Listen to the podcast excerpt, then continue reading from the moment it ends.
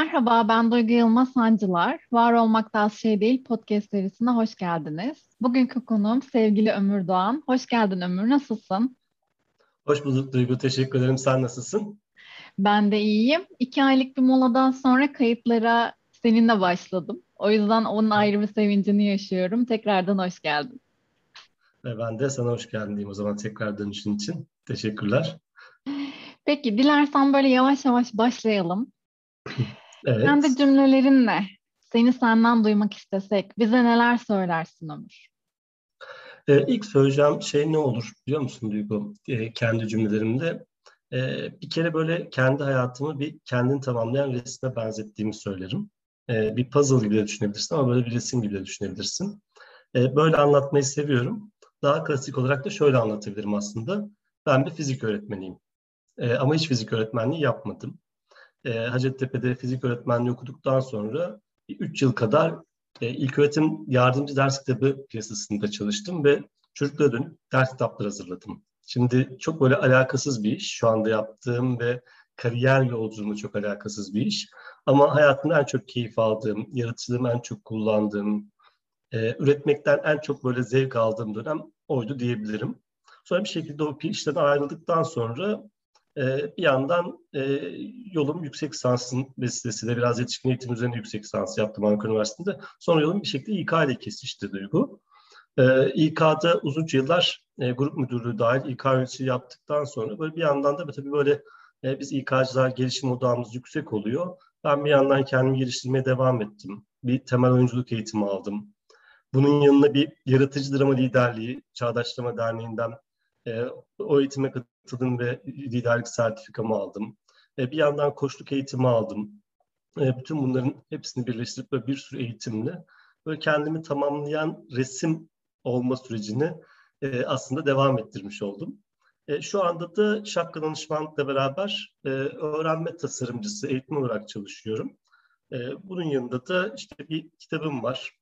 Mart ayında yayınlandı. Bir Ömür Yaratıcılık isminde. Herhalde böyle anlatabilirim kendi cümlelerimle. Daha ne olsun diyoruz efendim. O zaman ikinci sorumuza geçiyoruz. Hakkını vererek yaşamak sence ne demek? Ve sence sen yaşamının hakkını veriyor musun? Ya vallahi Duygu şöyle söyleyeceğim. Senin podcast'ini dinlerken bu soruyu her sorduğunda ben e, bir kere daha bu soruyu kendime soruyorum. Ve diyorum ki Ömür sen hakkını vererek yaşayabiliyor musun? Ve hakkını vererek yaşamak senin için ne demek? Aslında buna bir cevabım var. E, o da şu. İki cevabım var aslında. Bir tanesi daha benim için duygusal bir şey. E, birincisi şu hakkını vererek yaşamak benim için e, kızımın ileride böyle bir sohbette bir yerde benim babam Ömür Doğan'dı biliyor musunuz demesi ve bununla gurur duyuyor olması. Benim e, en temel olarak hakkını vererek yaşamak tanımım. E, ikincisi de şu aslında nefes alıyor olmak e, bence hakkını vererek yaşamak için iyi bir başlangıç noktası ve o aldığımız nefesin hakkını vermek. E, orada şöyle bakıyorum açıkçası. E, çok derin bir insanlık tarihi birikimi var. E, binlerce yıl. E, orada çok ciddi birikim var. E, orada aldıklarımı, oradan aldıklarımı öğrenip onlarla eğer yaşama bir katkıda bulunabilirsem, yaratıcı bir iş yapabilirsem herhalde hakkını vererek yaşamış olurum diye düşünüyorum. E, peki ben hakkını vererek yaşıyor muyum? E, ya bu çok sorduğum bir soru diyorum ya. Her senin şeyinde yani podcast'ını arabada dinlerken her defasında sorduğum bir soru ve her defasında diyorum ki galiba verebiliyorum. E, ve bu konuda herhalde tatmin olursak eğer verebiliyorum dersem e, ya da böyle nasıl söyleyeyim hani verebildiğimi hissediyorum ama verebilirim dememek istiyorum. Çünkü hı hı. böyle hani bitmiş olmuş bir şey değil ya bu hayatta. E, biraz ben o noktada kalmaya çalışıyorum. O yüzden içimden bir ses evet Yağmur sen bir sürü şey yapıyorsun, çaba sarf ediyorsun, mücadele ediyorsun. E, bunun hakkını vermeye çalışıyorsun. Bir yandan da veremediğin çok şey vardır mutlaka deyip böyle arada kalıp e, böyle derin duygusal çalkantıların içerisinde yolculuğa devam ediyorum. Bir gün senin yüzünden kaza yapabilirim yani podcast'ini dinlerken. Ay hayır öyle bir şey olmasın. Ama evet hep kendimize bu soruyu saralım. Hep var olduğumuzu, yaşadığımızı, her anın bize bir şeyler öğrettiğini hissederek gidelim. Dediğin gibi bu soru da çok yaşayan bir soru. Nefes aldığımız sürece, o nefesi verdiğimiz yani, sürece. Karar vermek çok zor duygu. Yani hakkını vererek yaşıyorum diyoruz. Dediğin andan itibaren hani şey oluyor ya insan böyle hayatta. Yani böyle bir e, böyle sabit zihniyete düşüyor. Yani evet. okey diyorsun ve bu insanı biraz önce bence atıllaştıran bir şeye dönüşüyor. O yüzden ne kadar iyi yaşarsam yaşayayım, ne kadar hakkını verdiğimi düşünürsem düşüneyim, e, hep kendime acaba demeyi, işin şakası ben evet acaba demeyi hep tercih ediyorum. Peki, seni bugünkü sen yapan, seni bir adım ileriye çok adımda kendine götüren, bu kısmını çok önemsiyorum. En büyük farkındalığın ve aksiyonun neydi? Ya bence şuydu, e, ya aslında hayatım boyunca e, hep şöyle yaşadım. Her an durdum ve geriye dönüp baktım. E, böyle bir şey yaşadım, aydınlanma yaşadım. O kadar çok an var ki böyle alt alta koyduğumda. E, ama bunlardan en büyüğü e, galiba e, üniversite ilk gittiğim yıl yaşadığım şeydir. E, şöyle söyleyebilirim. Ben çocukken e, şimdi bunu ilk defa şu an düşünüyorum bu arada. Hani öyle de enteresan bir şey oldu. E, mesela çok üniversite yıllarında, üniversiteye başlamadan önce bizim böyle memlekette, ben Antepliyim bu arada, hep kaçak çay içilir. Hani o kaçak denilen çaydan Ay, içilir. Bu arada tadı çok güzel oluyor onun. Ya efsane, evet süper. Ve sonra üniversiteyi kazandım da, Duygu. E, kantine gittim. Bir arkadaşım vardı Antep'ten benimle beraber. İşte ben, bizimle aynı okuldaydı, Hacettepe'deydi ve, o bana böyle bayağı mihmandarlık yaptı ilk günlerimde. E, okula iyi hızlı alışmamı sağladı. Sonra ilk gün gittiğimizde kantine gittik ve çay içtik. E, ben hayatımda o güne kadar hiç çay içmediğimi fark ettim. Kaçak çay dışında çay, dışında çay içmediğimi fark ettim. Ve e, o an böyle şey, artık hiçbir şey eskisi gibi olmayacak dedim kendime. E, gerçekten de öyle oldu. Hayatımda çok büyük bir kırılma noktası oldu o. Böyle ne oldu dediğinde bir sürü şey var. Sen diyorum ya böyle hayatın her anını böyle yaşamaya çalışıyorum zaten. Hayatın her anını böyle e, yeni bir farkındalık, ya yeni böyle bir aydınlanma, yeni bir aha anı gibi yaşamaya çalışıyorum ve çok fazla bu duygu hissediyorum. Ama böyle sen bu soruyu sorduğunda şimdi e, ilk oraya gittim. Dedim o, o an böyle ilk böyle şey çayını içtiğimde e, kaçak çay dışında bir çay içtiğimde yaşadığım duyguya gittim bir anda. Evet, çok teşekkürler bu paylaşımın içinde. Şimdi bizi dinleyenler için kitap ya da film önerecek olsam bunlar neler olurdu ve neden diye soracağım ama burada sana bonus bir soru gelecek. Biliyorsundur, tahmin ediyorsundur diye söylüyorum. E, tüm bunların yanında bir de bir ömür yaratıcılıktan da biraz bahsetmeni isteyeceğim senden. Tamam süper. Ya şöyle aslında yine e, başta e, şöyle söyleyeyim öncelikle Duygu. Dediğim gibi podcast'i çok fazla takip ediyorum. E, e, bu soru üzerinde çok düşündüğüm soruların hepsi üzerine ama şimdi e, kendime şöyle bir şey söyledim. Dedim ki e, Duygu ile podcast kaydını alırken e, kesinlikle böyle öncesinde hazırlanmayacaksın Ömür. Çünkü o anda ne hissediyorsan onu söyle. E, ilk başta böyle bir bakmak istedim, ne düş, düşünmek istedim. Sonra kendimi durdurdum e, çünkü son dönemde çok fazla şunu yapıyorum. E, işte saçmalama hakkımız üzerine yazıyorum. Mesela LinkedIn'deki paylaşımlarımda ya da böyle sosyal medyadaki paylaşımlarımda çok fazla kendimizi kontrol etmeye çalıştığımızı ve bazen bunun bizim spontanitemizi bozduğunu, e, hayatta bir şeyleri fazla kontrol etme çabasının bizi böyle kendimiz olmaktan uzaklaştırdığını e, düşünüyorum ve bu yüzden hep şunu tavsiye ediyorum. Diyorum ki saçmalamaktan korkmayın. E, yaratıcılık için bu bazen gerekli e, her zaman mantıklı, her zaman böyle üzerine çok düşünülmüş detaylı şeyler yapmak zorunda değiliz. Özellikle üretkenliğimizi arttırmak istiyorsak.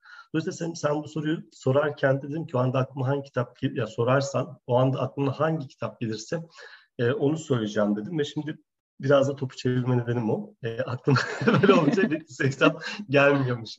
e, ama böyle böyle şey aklıma ne geldi şimdi böyle konuşunca top çevirmek deyince e, Dino Buzzatti'nin e, Tatar Çölü diye bir kitabı vardır roman. E, ben o kitabı çok seviyorum. E, bir e, teğmenin bir e, sınır karakoluna gidip e, öncelikle çok, çok isteksiz gidip oradaki e, sıradanlığı, o bekleme haline alışıp yıllar geçirmesini anlatır. E, bence bugün insanı çok şey e, ifade eden bir bence başyapıttır Tatar Çölü. E, bir aklıma o geldi. Sonra böyle dedim ki seni en çok etkileyen kitap nedir diye. E, böyle aklıma yine romandan gideceğim, edebiyattan gideceğim. E, aklıma e, bir Kayıp Zaman izinde serisi geldi. E, Marcel Proust'un. Beni çok derinden etkilemiş bir seridir o. Ve yine böyle zamandan gidince de hemen aklıma böyle direkt çağrıştıran şey e, Adalet Ağoğlu'nun Dar Zamanlar Üçlemesi geldi. Onu da askerdeyken okumuştum. E, askerde çok fazla kitap okuma olanağım oldu e, görevim gereği. E, bu üç kitap böyle edebiyat anlamında bence şey e, önereceğim kitaplar olur. E, diğer yandan böyle hani kuramsal kitap olarak ne okuyorsun, ne okudun dersen son dönemde çok fazla böyle hani şey sayabilirim çünkü her okuduğum kitap benim için şey oldu böyle bir farkındalık anı oluyor. Her okuduğum kitap beni çok etkiliyor. Ee, ama mesela son dönem okuduğum 3-5 kitabı sayabilirim bence burada hızlıca e, eğer müsaaden olursa. Ay süper olur. Zaten yazılarında da değiniyorsun birçoğuna. Takip edenler evet, varsa çok... ya da edecek olanlar varsa. E, çok sık bunu yapmaya çalışıyorum. E, çünkü her okuduğum kitabı çok derinlemesine okumaya çalışıyorum. Hatta ben böyle bazen öğrenme, öğrenme eğitimlerinde şunu sorarım e, katılımcıya. Derim ki bir kitabı 10 kere okumak mı iyidir, 10 kitabı bir kere okumak mı iyidir diye sorarım. E, ben genelde bir kitabı 10 kere okumaktan yan olanlardanım mümkünse. Dolayısıyla ben bir kitabı sadece bir kere okumuyorum, masamın üzerine koyuyorum. Ondan hem bolca içerik üretmeye çalışıyorum e, hem de o kitabı defalarca okumaya çalışıyorum. Yani böyle okuduğum ve çok beğendiğim, beni etkilediyse de kitap, o kitapla birkaç ay masamdan e, şey yapmaz. Kitaplığa gitmez bir türlü. Sürekli orada kalır. Mesela bunlardan bir tanesi Goleman'ın Odak kitabı oldu. E, beni duygusal zekam etkiledi. Odak mı dersiniz? Odak daha çok etkiledi mesela. O yüzden Daniel Goleman'ın odağını uzun süre masamın üzerinde tuttum ve çok şey paylaştım onunla ilgili. Çok şey okudum tekrar tekrar. Ee, yine Seth Godin'in Morine'ini yine okudum. Çok eski bir kitapmış. Zaten çok eski bir baskısını buldum bir yerden bir arkadaşımdan. Ee, ve çok hayıflandım. Keşke daha önce okusaydım diye. Özellikle kişisel markalaşma sürecinde çok bence e, işe yarayacak bir kitaptı. Ee, yine mesela bir başka şey, yine çok bu arada çok paylaştım hem YouTube videolarından böyle şeylerde herhalde işte bu fikir tutar ismini bazen unutuyorum. Kitabını çok böyle tavsiye edebilirim. O da Chip ve Dan Head diye iki yazarın kitabı. Ee, bir de şu anda böyle karşımda odamda bir böyle beyaz tahta gibi bir şey var ve orada zihin haritası çıkarttığım bir kitap. Çok önemsiyorum bu ara bunu. İyileştir Alışkanlıklar diye bir kitap var. E, hala yarım kalmış bu arada. Bakınca da bu an onu bitirme ödevi koydum kendime. E, Gretchen Rubin'in İyileştiren Alışkanlıklar diye çok doğal bir dille, çok gündelik bir dille, e, böyle alışkanlıklar üzerine e, ve tamamen yazarın kendi kişisel deneyimleriyle böyle kuramsal değil böyle alışkanlık konusunda e, şu, şunu okudum, bunu okudum, şunu çıkarttım. İşte kardeşim de bunu denedim, annem de bunu denedim, babam da bunu denedim diye anlattı. Çok samimi de bir dili olan bir kitap. O yüzden ayrıca onu sevdim. E, kitap konusunda da böyle son dönemde okudum ve beni etkileyen e, kaç oldu? 3-4 tane herhalde. Bunları sayabilirim. E, film konusunda ise e, burası benim için bir yanıyla zor. Ama bir yanıyla da böyle tek bir film say sayacak olsam söyleyeceğim film çok net benim için. O da e, şu olur Duygu. E, Mr. Nobody diye bir film. Hı hı, evet. E, belki izleyenler vardır. E, filmden çok aslında benim filmin e, şeyi çok etkiliyor. Defalarca böyle yazmışımdır bu konuda.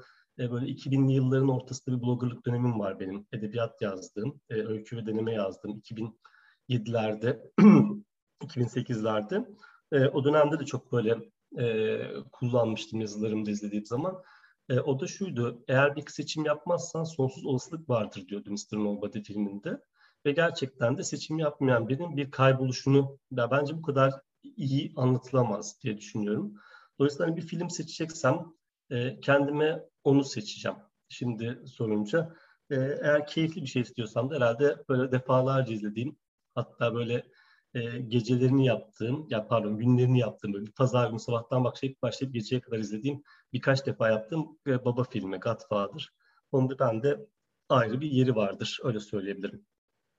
Peki bonus sorumuzu da hatırlatıyorum Ömür. Bir ömür yaratıcılıkla ilgili neler söylersin? Neden okuyalım? Nasıl doğdu? Çok merak ediyorum. Burada da böyle kayıtlı kalırsa çok memnun olurum. Ya bir ömür yaratıcılık şöyle çıktı Duygu. E, piyasada çok yaratıcılıkla ilgili çok fazla kitap var ve elbette e, bir kitap yazarken e, bir boşluk doldurmak istiyorsun. E, farklı bir şey yapmak istiyorsun. E, biraz aslında şu ikisini birleştirmeye çalıştım kitap piyasada olan kitaplardan. Hem yaratıcı düşünme tekniklerini bulabileceği bir kitap olsun istedim e, okurun.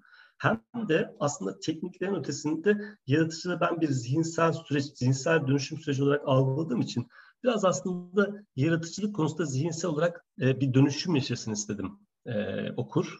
Ve dolayısıyla bence böyle bir boşluğu dolduruyor bu ikisini beraber sunarak. Bir de çok aldığım bir geri bildirim şu oldu kitaptan sonra. Ee, böyle beni tanıyanlar özellikle dediler ki ya biz kitap okurken böyle baya baya ömrü alıp karşımıza böyle dinliyor gibi olduk. Yani böyle okuruyla sohbet eden bir e, kitap olmuş dediler. Ya valla ne yalan söyleyeyim ben de gerçekten bir kitabı nasıl yazmak istersin diye sorsaydın derdim ki böyle bir kitap yazabilmek isterdim. E, biraz böyle okuyucusuyla yaratıcılık üzerine sohbet eden bir kitap e, oldu diyebilirim. Eğer böyle bir sohbet etmek isterseniz, kendi yaratıcılığınızı sorgulamak isterseniz neden yaratıcı olmak gerektiğini ve nasıl yaratıcı olup olabileceğinizi e, öğrenmek isterseniz bence kitabımı okumalısınız. Yani böyle böyle söyleyeyim. Biraz çok böyle reklam şeyi gibi oldu ama e, bence tam olarak bu. Kitabımın doldurduğu boşluk bence bu. Ay harika ne güzel reklam. Reklamda olsun ayrıca.